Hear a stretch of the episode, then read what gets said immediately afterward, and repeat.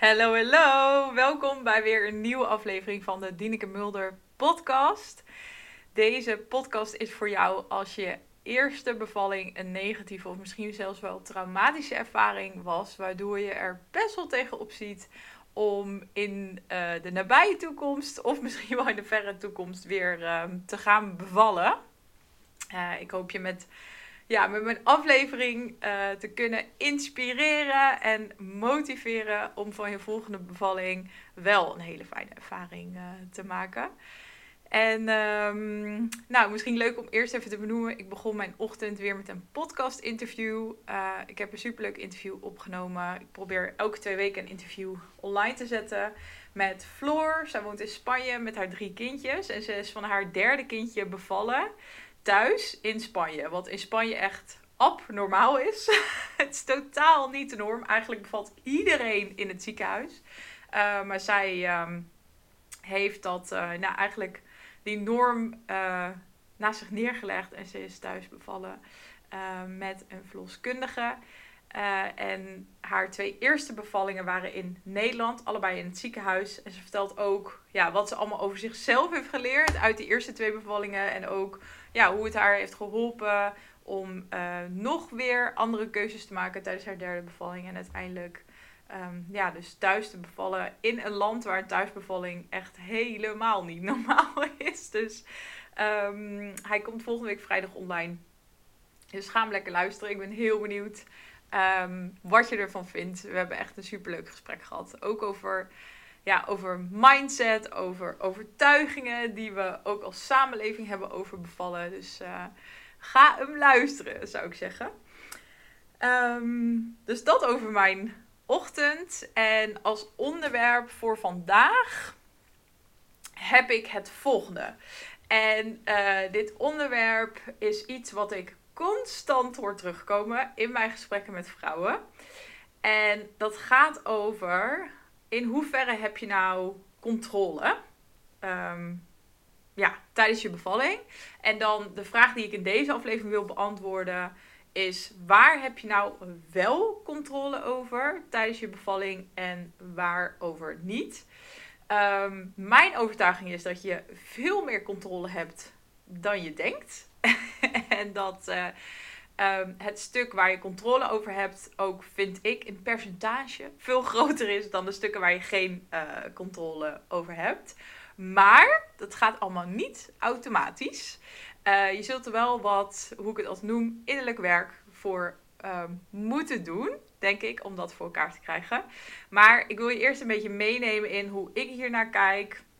En hoe ik dit zie. Dus wat zijn nou de dingen waar je wel controle over hebt en waar heb je geen controle over? En ik hoop vooral dat ik je in kan laten zien dat dingen waarvan jij nu denkt uh, geen controle over te hebben, dat je daar um, wel controle over kan hebben. En um, waar ik mee wil beginnen, of hoe ik op dit onderwerp kwam, is dat ik heel vaak van vrouwen hoor dat de reden waarom ze negatief terugkijken, of uh, zelfs dat het een traumatische bevalling was, dat ze zeggen: er werd niet naar me geluisterd, ik werd niet geloofd, ik moest op mijn rug liggen terwijl ik dat niet wilde, ik mocht uh, dit niet terwijl ik iets anders uh, wilde. Dus bijvoorbeeld, ik mocht niet thuis bevallen. Um, even kijken hoor. Het kan ook zijn dat ik voelde dit, maar ik mocht niet dat. Dus ik voelde dat ik moest persen, maar ik mocht niet persen. Ik moest uh, wachten totdat de gynaecoloog was, bijvoorbeeld. En, um, uh, of ik, dus ik werd niet geloofd, er werd niet naar me geluisterd. nou, zo zijn er denk ik nogal een aantal voorbeelden. Ik ben heel benieuwd als je naar deze aflevering luistert, hoe je dit voor jezelf um, ervaren hebt. Uh, bij mij was het bijvoorbeeld dat ik echt achteraf het gevoel had dat, er, uh, nou, dat ik niet gezien werd, dat er niet uh, werd gevraagd hoe het met mij ging, dat er niet naar mij werd geluisterd. Um, even kijken wat nog meer. Oh ja, ik vond ook dat er, um, dat er onvoldoende uitleg was over wat een bepaald protocol of, of richtlijn nou inhoudt. En dit wil ik eigenlijk als input gebruiken om je een beetje mee te nemen door waar heb je dus uiteindelijk wel controle over. Um, want daar eh, heb ik al een aantal ideeën over die waarschijnlijk anders zijn dan wat je nu wellicht denkt. Alright. Waar denk ik een beetje mee begint, ook tijdens je bevalling, en wat veel vrouwen lastig vinden, is waar je bijvoorbeeld wel controle over hebt, is het uitspreken van je behoeftes. En dat begint eigenlijk al in je zwangerschap. Dus door uitspreken wat je wel fijn vindt, wat je niet fijn vindt, wat je wel graag zou willen, wat je absoluut niet zou willen. Ik denk dat dat al interessant is om eens bij jezelf na te gaan van heb ik echt al mijn behoeftes uitgesproken? Heb ik ze echt uh, gedeeld met mijn partner of met zorgverleners? Ehm, daar begint het eigenlijk heel vaak. En hoe ik dat bij mezelf uh, zie, is dat ik dat niet volledig heb gedaan tijdens mijn bevalling. Ik was eigenlijk aan het wachten totdat zorgverleners aan mij zouden vragen: gaat het wel goed met je? Of waar heb je behoefte aan op dit moment? Dit is ook letterlijk wat ik heb gezegd tijdens mijn bevalling. Dat dat was waar ik heel erg behoefte aan had gehad. En, en dat het daardoor een heel andere ervaring had kunnen zijn. Inmiddels realiseer ik me dat dat juist het stuk is waar ik heel veel controle op heb. En het mooie is, als je die controle gebruikt en dus... Ehm, en soms is dat heel lastig, hè? En uh, je mag er ook echt met heel veel begrip naar kijken. Want als ik nu terugkijk naar mijn bevalling, snap ik helemaal met hoe ik toen in het leven stond. En al mijn ja, patronen en overtuigingen waar ik me toen nog niet bewust van was. Dat het in mijn geval heel logisch was dat ik dat niet uitsprak. Dat heeft weer met mijn kindertijd, zeg maar, te maken. Um, maar het interessante is dat als je begint te realiseren dat dit iets is waar jij controle over hebt, dus dat je niet hoeft te wachten tot iemand vraagt waar jij behoefte aan hebt, of je uitnodigt om dat uh, te delen, bijvoorbeeld, of er expliciet naar vraagt.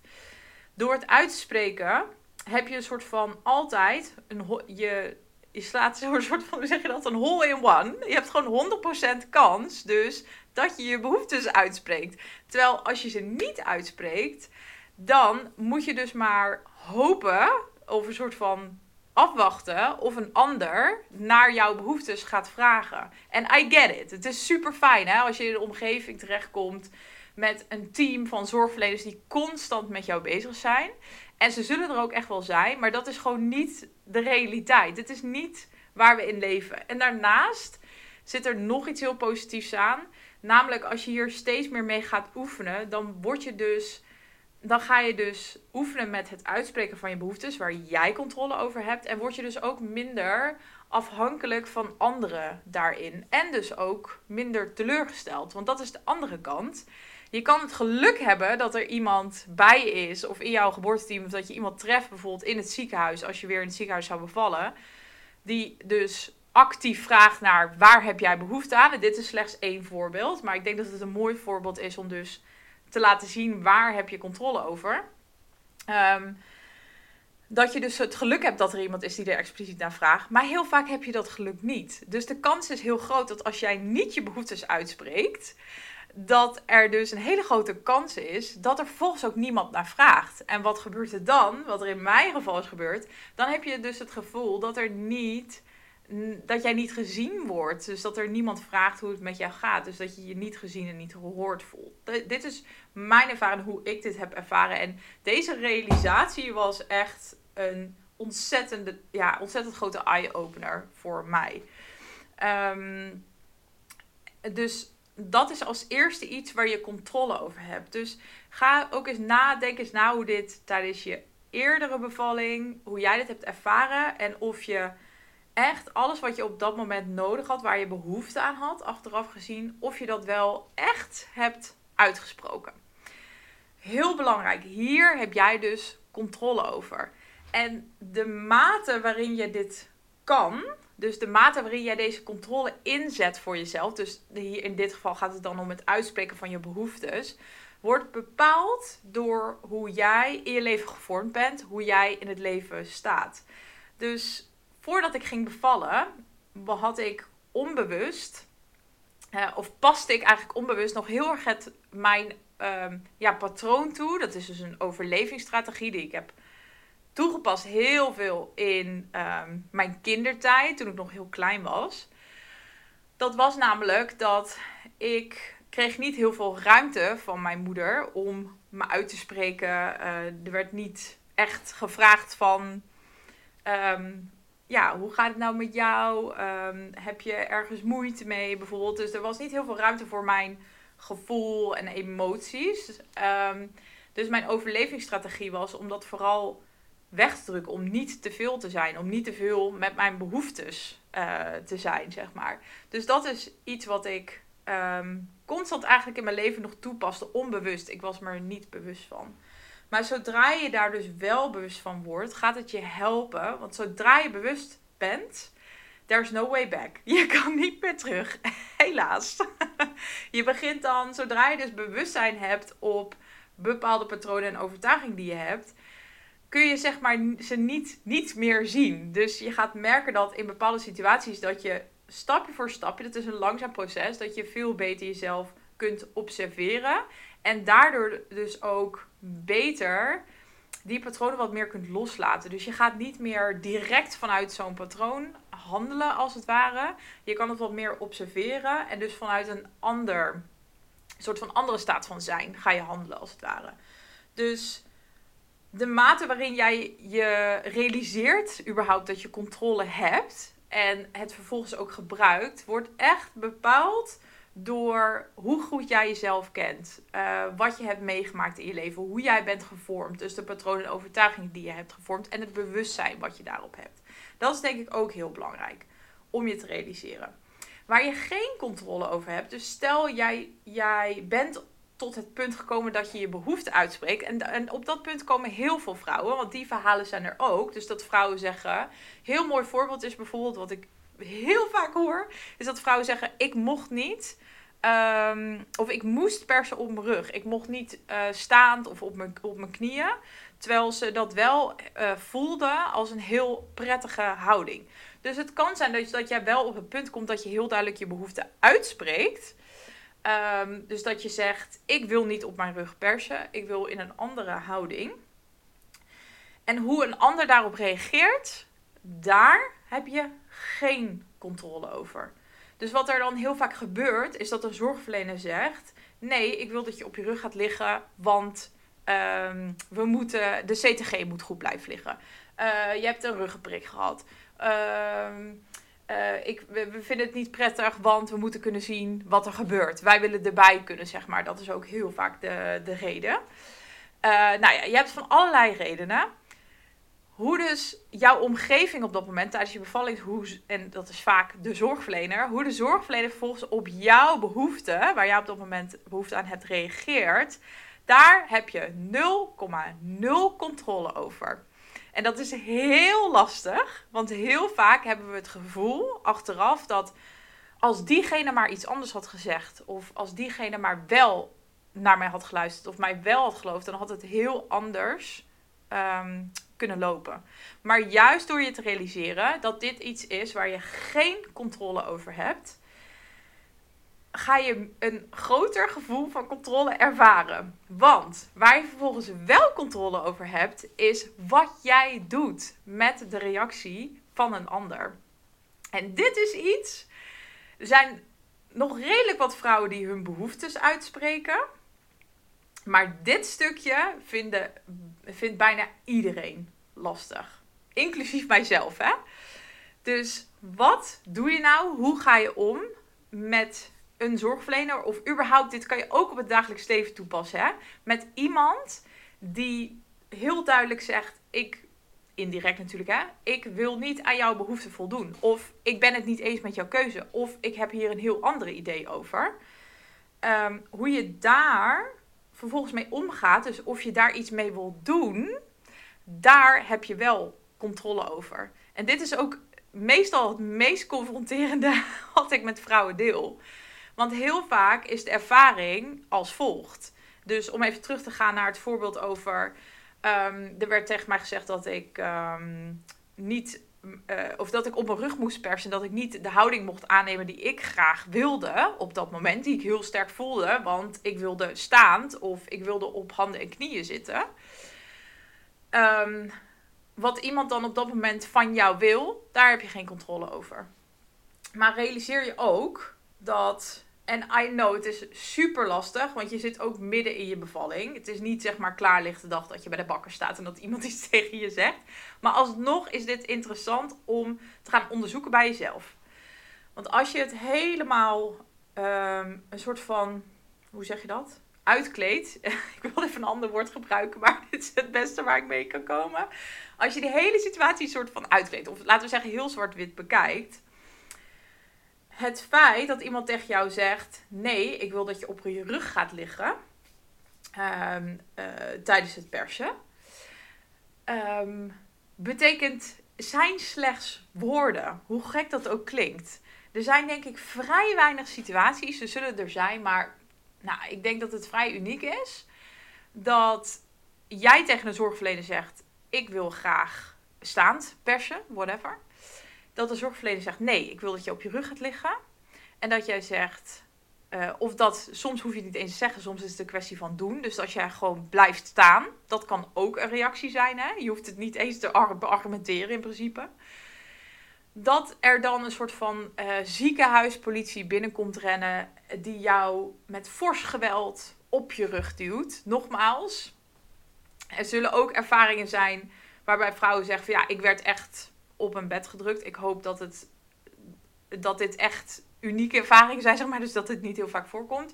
Maar in het grootste deel van de gevallen zullen zorgverleners je niet, zeg maar, fysiek um, op een bed drukken om je te laten doen wat zij willen, uiteindelijk. En dat is heel belangrijk. I know, het confronterend. Maar het is heel belangrijk om je dit te realiseren. Want hoe jij dus vervolgens reageert op wat een zorgverlener tegen jou zegt of van jou wil, daar heb jij 100% controle over. Ja, dat durf ik echt wel te zeggen. 100% controle over.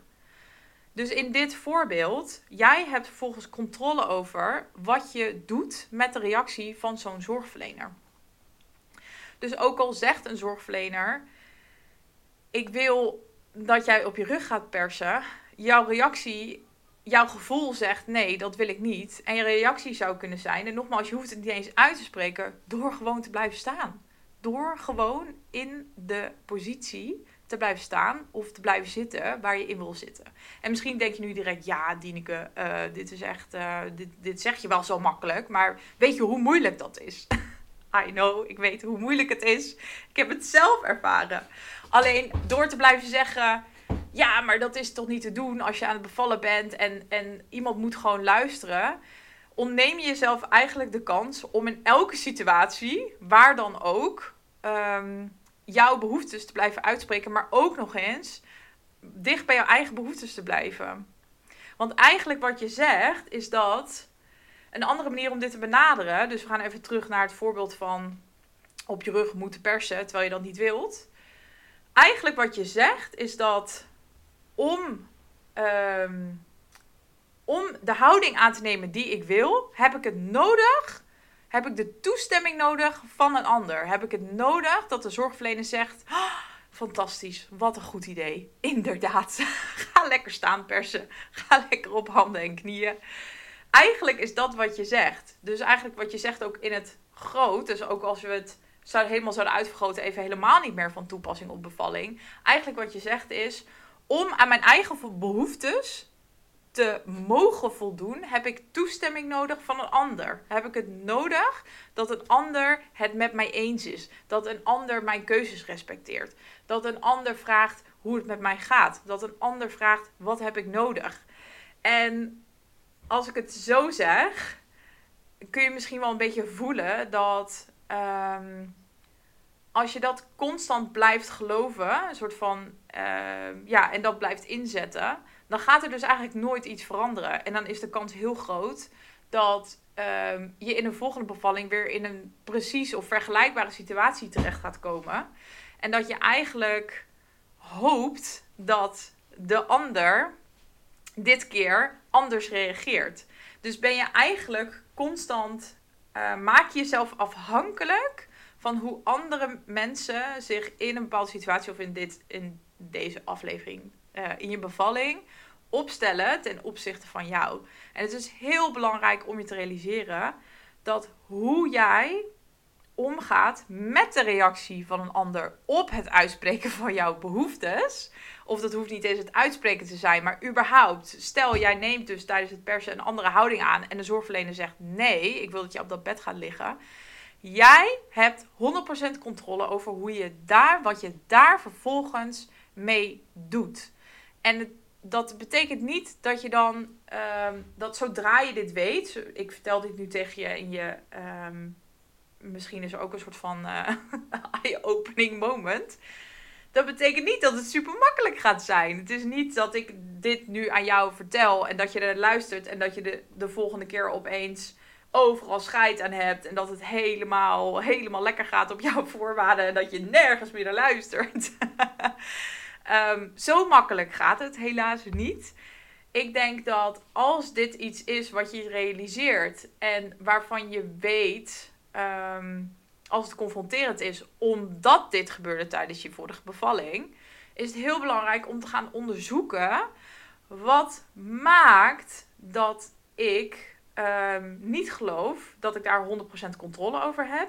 Wat maakt dat ik het dus makkelijker vind om, ja, zeg maar comfortabeler vind om dus gewoon te luisteren wat een zorgverlener dan op dat moment tegen jou zegt, dan mijn eigen behoefte op dat moment te volgen. Door dus eigenlijk, nou, eigenlijk niks te doen met iemand zijn of haar advies. Als dat op dat moment voor jou goed voelt, hè, dat is uiteindelijk het belangrijkste. Maar dus eigenlijk het advies van iemand anders of het verzoek um, naast je neer te leggen. En dus te luisteren naar wat jij nodig hebt op dat moment, wat jouw behoefte is. En dat is dan staand persen of op handen en knieën. Bijvoorbeeld, hè? dit is een voorbeeld.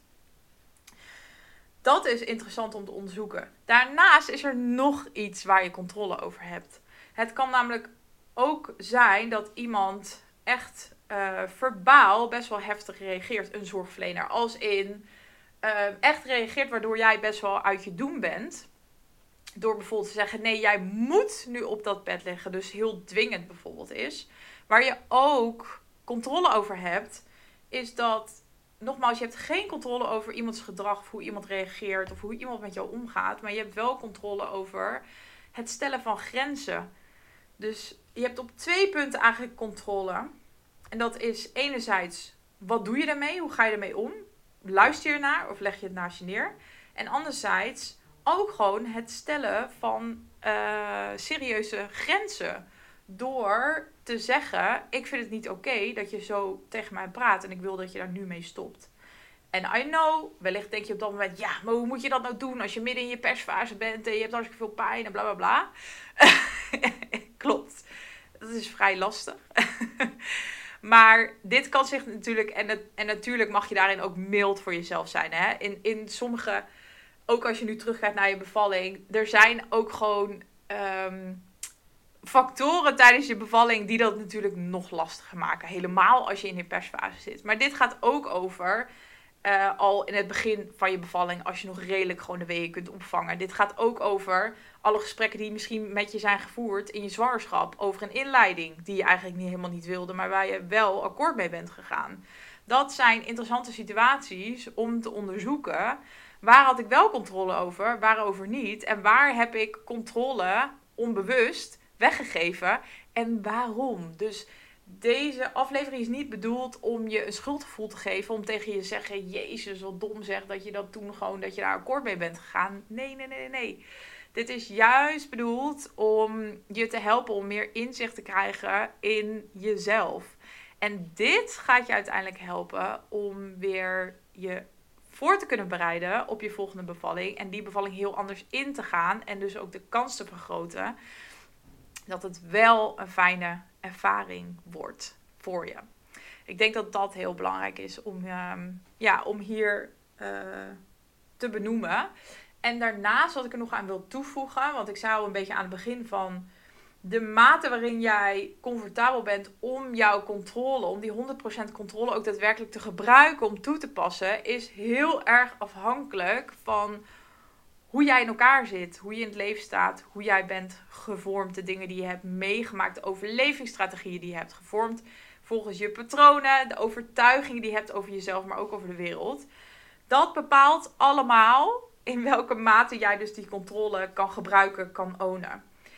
En dat is dus niet zo 1, 2, 3 geshift. Dat gaat in hele kleine stapjes. Want als je opeens een hele grote stap zou maken, dit zeg ik ook altijd in mijn coachtrajecten, zegt als het ware je brein, je hele zenuwstelsel van wat de fuck gebeurt hier? dit zijn we niet gewend van je. Je ego vindt daar iets van. Je ego is het deel eigenlijk wat je altijd veilig houdt. Waarin, waardoor die overlevingsstrategieën zijn gevormd, bijvoorbeeld toen je kind was.